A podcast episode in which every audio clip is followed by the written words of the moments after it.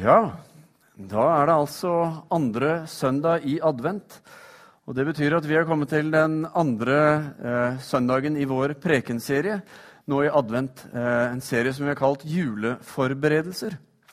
I denne serien så ønsker vi å ta en kikk inn i eh, bak kulissene til julen. Se litt på Guds plan og Guds forberedelser fram mot denne julen som eh, vi feirer år etter år. Eh, men før vi går i gang med den, så har jeg bare også lyst til å ønske deg velkommen, som eh, har skrudd på din podkast nå og sitter og lytter et annet sted. Kjekt at også du vil være med oss nå. Sist søndag så snakket vi om eh, Guds plan, at den har ligget på hans hjerte siden tidenes morgen. Og vi så på hvordan Bibelen vitner om dette helt fra begynnelsen av og opp gjennom hele Det gamle testamentet. Eh, julen er steg én i Guds plan om å gjenskape muligheten for at du og jeg kan ha fellesskap med Han. At vi ikke bare skal vite at Han er i himmelen, men at Han faktisk er nær, og at vi kan ha fellesskap med Han. Det var det Jesus skulle gjøre. Det var derfor han kom den julen for 2000 eh, og noe år siden. Og eh, gjennom hans død og oppstandelse så åpnet han veien like inn til Gud. Så når vi forrige søndag stilte spørsmålet 'Hvor skal vi være?', så var svaret på det eh, ikke i Kristiansand hos eh, svigerinnen din, som jeg skal, men svaret var i fellesskap med Gud. I Guds nærvær. Fordi det er det vi er skapt til. Det er der eh, livet har sitt egentlige utgangspunkt. Når det går mot jul, så er det mye som skal gjøres. Og for at julen skal bli akkurat slik den er, eller så, sånn vi ønsker at den skal være, så er det noen som planlegger den julen. Og ofte så er det flere som må til for at den planen skal komme i mål.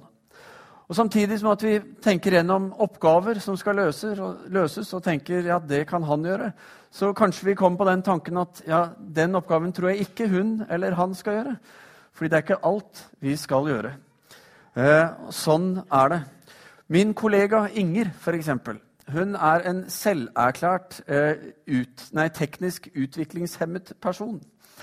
Som tilsier at det er visse ting hun ikke bør ha ansvar for. Og dette er hun da smertelig klar over selv. Eh, men under lunsjen her på torsdag så måtte ble dette litt avslørt. Fordi jeg la merke til døra inn til kjøkkenet ute i menighetssalen her, så så jeg den hvite stripen som eh, dere ser går liksom fra låsen og ned. og Den går på oversiden også, og rundt hele døren. Så så jeg den, og så spurte jeg de andre eh, ved lunsjbordet om de visste vet dere hva den hvite stripen der er for noe. Hvorfor den er der. Nå hadde jeg akkurat lært dette bare et par dager tidligere av eh, Knut, som er eh, brannvernleder eller noe sånt på huset. Ja. Og han eh, Ikke eller noe sånt, han er brannvernleder.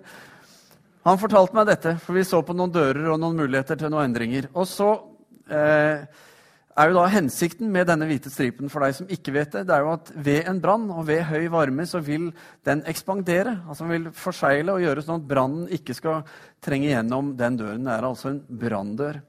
Eh, så Morten, som eh, satt til lunsj der, han sa jeg tror, jeg er ganske sikker på at dette har noe med brann å gjøre. Hvorpå Inger heiv seg utpå og foreslo at dette kanskje var sånn at eh, den stripen gjorde sånn at varmen fordelte seg i rommet. Inger er veldig omsorgsfull og hadde helt sikkert omsorgsfull for de som eventuelt var kalde dersom det skulle oppstå en brann. Eh, men hun blir altså ikke vår neste brannvernleder, så vi syns det var et morsomt svar. Og så har vi funnet ut tidligere at Inger skal ikke ha ansvar for Internett heller. Fordi For noen år tilbake, da jeg anbefalte en film som lå på YouTube for henne, så sa jeg den må du se på, for jeg satt akkurat og så på den selv. Eh, og Så eh, prøvde hun å skru den på, men det fungerte ikke. Den fungerte hos meg, men ikke hos henne. Så hun spurte hva er det som skjer, hvorfor er det sånn. Så sa jeg Inger, du skjønner det, at på YouTube så kan man bare se én av gangen. Så man må vente til den andre er ferdig før man kan skru på filmen. Å ja, svarte Inger. Og var tilsynelatende fornøyd med det svaret. Og så ikke bare det, men filmen virket jo hos henne etter at jeg var ferdig. Så det var jo selvfølgelig sånn det var. Og På slutten av dagen så måtte jeg jo faktisk informere om at nei, Inger, det er ikke sånn. Jeg har nok lurt deg. Mange kan gå inn av gangen. Og hun følte seg noe lurt, det kan vi jo si. Men i dag da, så spør vi eh, hvem er det som gjør hva? Eh, fordi det er behov for at flere er med og gjør noe for at vi skal få skape den perfekte julen. Og Ser vi på Guds plan og hans forberedelser til julen, så er det et ganske stort knippe eh, som han setter i sving.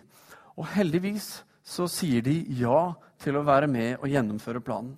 Vi ser Zakaria og Elisabeth, vi ser Maria, vi ser Josef, keiser Augustus, gjeterne, Simeon og eh, profeten Anna. Vi ser vismennene, og vi ser Herodes som mange av hovedpersonene i denne forberedelsen i selve julefortellingen. Og nå skal vi se kort på disse og deres rolle inn i dette. Zakaria og Elisabeth de blir overgangsfigurer på en måte fra eh, tiden hvor Gud forberedte gjennom profetene fordi eh, de skulle selv bli foreldre til en profet. Og Presten Zakaria han var prest, eh, og en dag han eh, ledet en ofring i tempelet, så står det at det kom en engel til han eh, og hadde et budskap om at hans kone Elisabeth skulle få en sønn, og de skulle kalle han Johannes. Johannes han skulle være en profet. Han skulle forberede Herrens komme, forberede folket på at nå skulle Herren komme. Zakaria og Elisabeth de var gamle. De var langt oppe i årene, står det i Bibelen. Og I tillegg så var de barnløse. Men det var disse Gud så seg ut for eh, å være foreldre til profeten Johannes, han som ble kalt Johannes døperen, og som ryddet vei for Herren. Går vi videre til Maria, så ser vi at hun som tenåring, eh, også en slektning av Elisabeth, hun får også besøk av en engel, og det er engelen Gabriel som kommer til henne og forteller henne at du, Maria, du skal være mor til selveste Guds sønn. Og Vi leser at eh, engelen sa til henne, 'Frykt ikke, Maria, for du eh, har funnet nåde hos Gud.' Hør, du skal bli med barn og føde en sønn, og du skal gi ham navnet Jesus. Han skal være stor og kalles den høyeste sønn, og Herren Gud skal gi ham hans far Davids trone. Han skal være konge over Jakobs hus til evig tid. Det skal ikke være ende på hans kongedømme. Dette får Maria høre. Men så virker det som Maria på en måte liksom, Nei, vent nå litt. Fint dette med evig og kongedømme og alt dette her. Hva, hva var det du sa først? Skal jeg bli mor? Og hun hadde innvending fordi hun visste at hun ikke hadde gjort noe som skulle tilsi at hun skulle bli mor. Og naturlig nok så Men det kan jo ikke skje. Det er da ikke mulig. Og da svarer engelen dette, sier Den hellige ånd skal komme over deg, og den høyestes kraft skal overskygge deg. Derfor skal barnet som blir født, være hellig og kalles Guds sønn. Og vi ser at når Maria Eh, da er blitt gravid og forteller Josef, hennes forlovede, eh, eh, forteller hva som har skjedd, om englene som besøkte alt dette. Hadde det vært Facebook den gangen, så tror jeg statusen hadde blitt endret til 'It's complicated'. Altså, Nå ble det litt vanskelig for Josef. Nei, for Josef, for Josef. For uansett hvor glad Josef var i Maria, og det var han, Eh, og uansett hvor mye han ville tro at det var sant, at Gabriel, Guds engel, hadde kommet og fortalt dette, så ble dette for vanskelig for Josef å forholde seg til. Og han gjorde det som sikkert mange andre menn ville gjort i hans sted. Han valgte, han bestemte seg sitt, i sitt indre for at han skulle forlate, at han skulle bryte denne forlovelsen med Maria. Og han skulle gjøre det i stillhet, står det. For han kunne gjort etter loven. Han kunne dratt henne ut på torget og sagt denne kvinnen som er forlovet til meg, hun har vært utro. Og etter loven skulle hun steines til døden. Men han valgte å gjøre det i stillhet. Han hadde omsorg for og var glad i Maria på tross av det som hadde skjedd. Og Med disse tankene i hodet om hva Josef hadde bestemt seg for å gjøre, så ser vi at det kommer en engel til han i en drøm og forklarer at det Maria har opplevd, det har skjedd. Gud er det som er far til dette barnet. Og Josef får i oppdrag av hva han skal gjøre. Han skal stå ved Marias side, og han skal være som en far for dette barnet.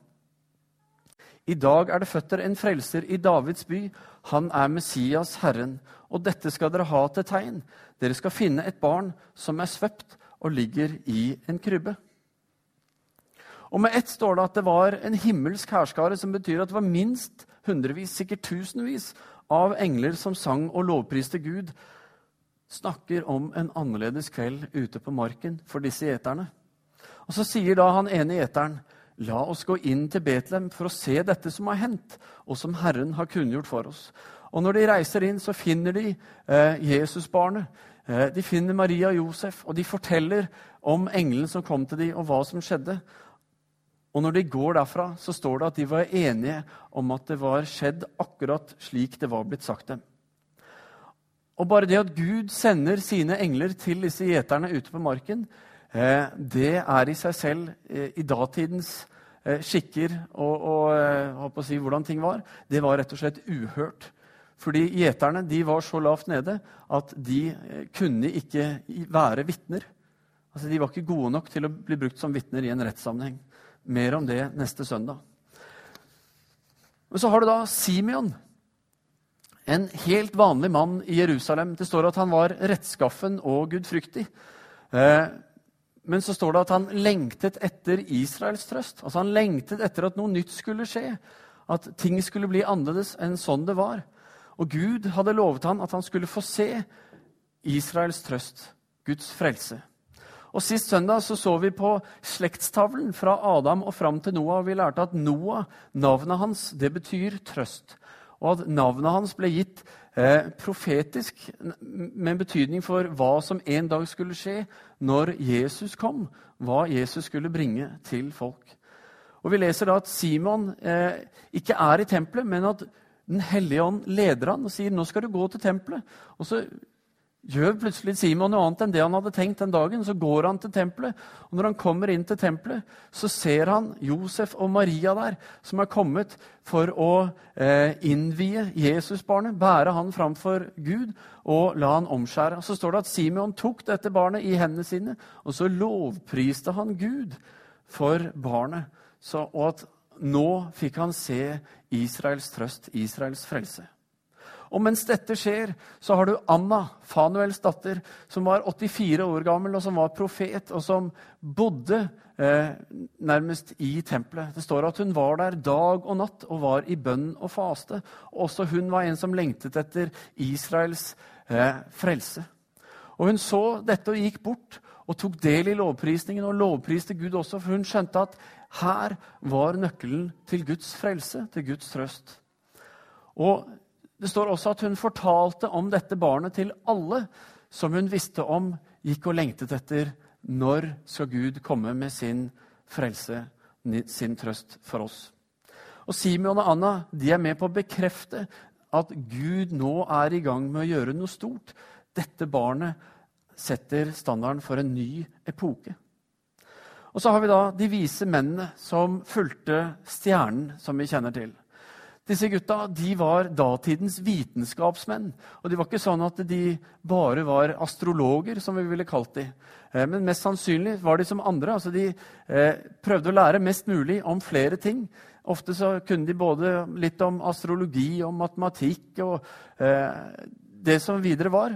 Filosofi og hist, alt dette her var ting de var. og Derfor ble de også kalt vise menn, fordi de var lærde folk. Og det at de så en ny stjerne dukke opp på himmelen, for dem var det et tegn på at noe nytt var i gjære. Og de ville finne ut av hvorfor. Så det de gjorde, var at de, de la i vei eh, for å finne ut av dette. Eh, rett og slett, De bestemte seg for å forske.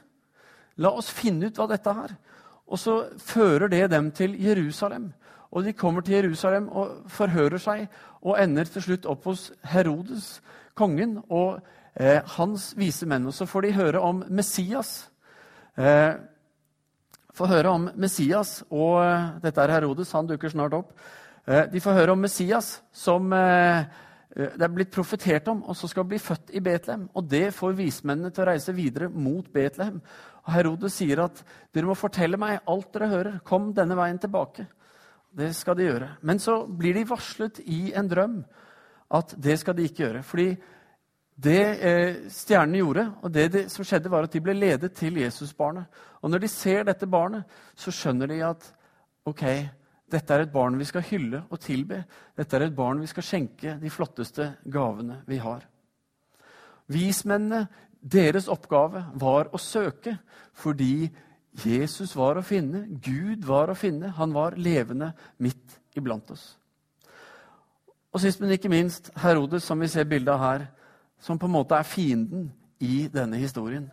Han representerer det menneskelige. Han er den som vil forsvare sitt eget, som er egenrådig, og som står Guds plan og vilje imot, fordi han vil bevare om det som er hans eget. Messias skulle komme og være en konge, og han visste at hvis nå Messias var født, så var det slutten på han og hans eh, etterfølgere, altså fra sin slekt, som konger. Og det ønsket han ikke. Og når han skjønte at eh, de vise mennene hadde trosset han og ikke ville eh, komme tilbake og fortelle, så satte han i gang eh, og beordret at alle guttebarn under to år skulle drepes. Alle i Betlehem og hele regionen rundt. No, en handling som Jeremia profeterte mange hundre år før også, at det skulle komme et skrik over hele Rama, som var området.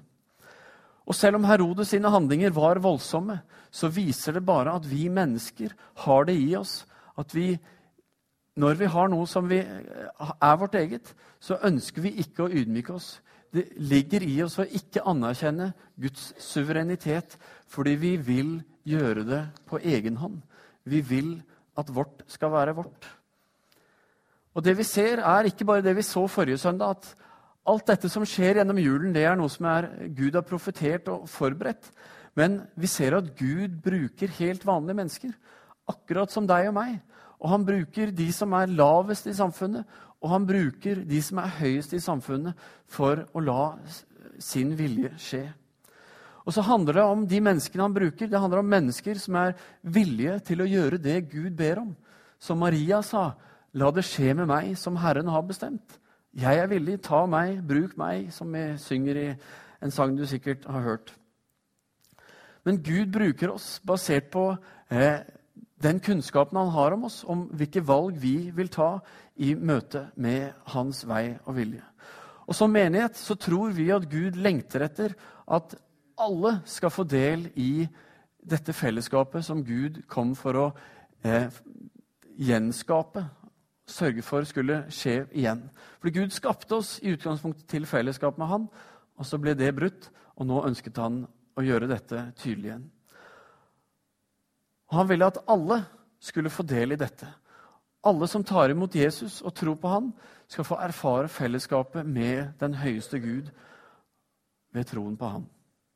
Så da blir det store og det viktige spørsmålet til deg og meg Hva sier Gud til deg? Hva er det Gud kaller deg til? På hvilken måte får ditt liv bli en del av Guds historie i Stavanger i 2014, snart 2015? Det faller tilbake på hvilke valg du og jeg tar i møte med Guds plan og Guds vilje for oss. Og Derfor sier Jesus i Johannes 15 da sier han, 'Jeg er vintreet, dere er grenene.' Den som blir i meg og jeg i ham, bærer mye frukt. For uten meg kan dere ingenting gjøre. Og Det forteller meg noe om at når vi er i fellesskap med Gud, når vi søker Han og finner Han, så er det en enorm mulighet som ligger eh, potensielt klar for at vi skal være en del av. At når vi begynner å eh, handle på Guds vilje, når vi søker hans fellesskap og det å være sammen med han, så skjer det noe. Og så har Gud kalt oss til å være en del av det han gjør i dag. Så er spørsmålet hva gjør du? Hva gjør jeg? Nå kan det virke som at jeg som pastor eh, måtte ha tatt mitt kall og eh, gjør alt 100% ikke sant? For jeg jobber jo tross alt som pastor og opplever at Gud har kalt meg til det. Men sannheten er at selv om jeg, jeg kan skjule meg bak den tittelen, men hvis jeg gjør det, så tror jeg at det vil skinne gjennom. At eh, det Gud ønsker å gjøre gjennom meg, faktisk ikke skjer. Fordi jeg har bare falt til ro med den tittelen. På samme måte kan vi gjemme oss bak ting, men jeg tror jeg er overbevist om at Gud kaller meg eh, til å søke Han og leve i Hans fellesskap. For hvis ikke jeg gjør det, hvordan skal Han kunne formidle hva Han ønsker å bruke meg til i den posisjonen Han har satt meg? Og det samme gjelder for oss alle. Når jeg står som nabo i mitt nabolag, så er ikke jeg først og fremst pastor. Da er jeg nabo. Og når jeg står sammen med mine venner som ikke går i denne menigheten, så er jeg først og fremst venn. Og så er spørsmålet hva gjør vi? Og hvordan får Gud lov til å røre ved oss? Så tenker jeg, Kanskje har du levd hele livet ut fra et tankesett om hvordan Gud er, og hvordan kirke er, og hvordan han handler, og alt sånn. Og så er spørsmålet da er det rom for Gud til å gjøre noe i ditt liv som ikke passer innenfor de veggene, den måten du har tenkt. Bare Tenk på Zakaria og Elisabeth, som hadde levd et langt liv, og som måtte, helt sikkert skjønte hvordan ting var. Så kommer Gud, og så sprenger han grensene deres. De som har vært barnløse og ønsket seg barn helt sikkert hele livet. Han sier, 'Nå skal det bli annerledes. Er det rom for det? Kan vi ta imot det?' Eller kanskje du er som Maria, som bare ikke forstår at det Gud kaller deg til, i det hele tatt skal være mulig. Fysisk umulig. Ikke sant? Da har jeg bare lyst til å utfordre deg til å ikke ekskludere deg selv fra det kallet, men å gi det til Gud og overgi deg selv til det han ønsker å gjøre i ditt liv. La han få lov til å åpne perspektivet ditt og se at han har kalt deg til større ting kanskje enn det du selv tenker. At han får sprenge dine grenser. Og at ved at vi søker han og lar han få lov til å lede oss ved sin ånd, slik han bl.a. ledet eh, Simeon, som vi så, ikke sant?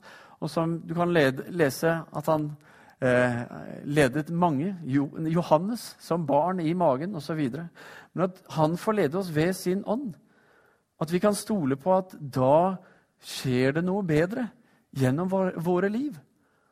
Og at det er trygt, selv om det høres litt skummelt ut. Det handler, om, det handler om å tro på Gud og stole på Han. Eller kanskje du ikke tror at Gud bryr seg om deg i det hele tatt. At det livet du har levd, eller sånn du er, det er på en måte ikke verdig Gud. At du er utenfor Guds oppmerksomhet. Ja, Sånn var det for gjeterne. De var utenfor i datidens religiøse bilde. Men Gud satte de midt i juleevangeliet. Eller kanskje du ikke kjenner Jesus. Kanskje eh, ser du bare at det er et eller annet her som er annerledes. Som du tenker kanskje er verdt å prøve. Akkurat sånn som de vise mennene som sa at nå skjer det noe nytt. Dette vil jeg finne ut av. Og når du begynner på den vandringen, på å finne ut av hvem er denne Jesus, så kanskje du som de vise menn får erfare at Gud lever. At han er virkelig, at han finnes i dag, midt iblant oss. Og at han kaller deg til fellesskap med han. Det beste og det viktigste og det første kallet som du og jeg har, det er å leve i fellesskap med Gud. Det handler ikke om den tjenesten du skal gjøre i menigheten, eller hvor mye du skal gi, eller hvor høyt du skal synge eller spille, eller hva det er. Men det handler om å leve i fellesskap med Gud og søke Hans nærvær.